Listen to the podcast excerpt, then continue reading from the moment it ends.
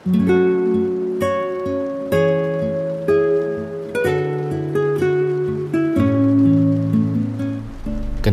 kita baru dipertemukan sekarang?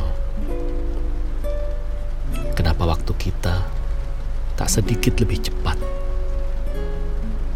Jika sudah seperti ini, lantas kita bisa apa?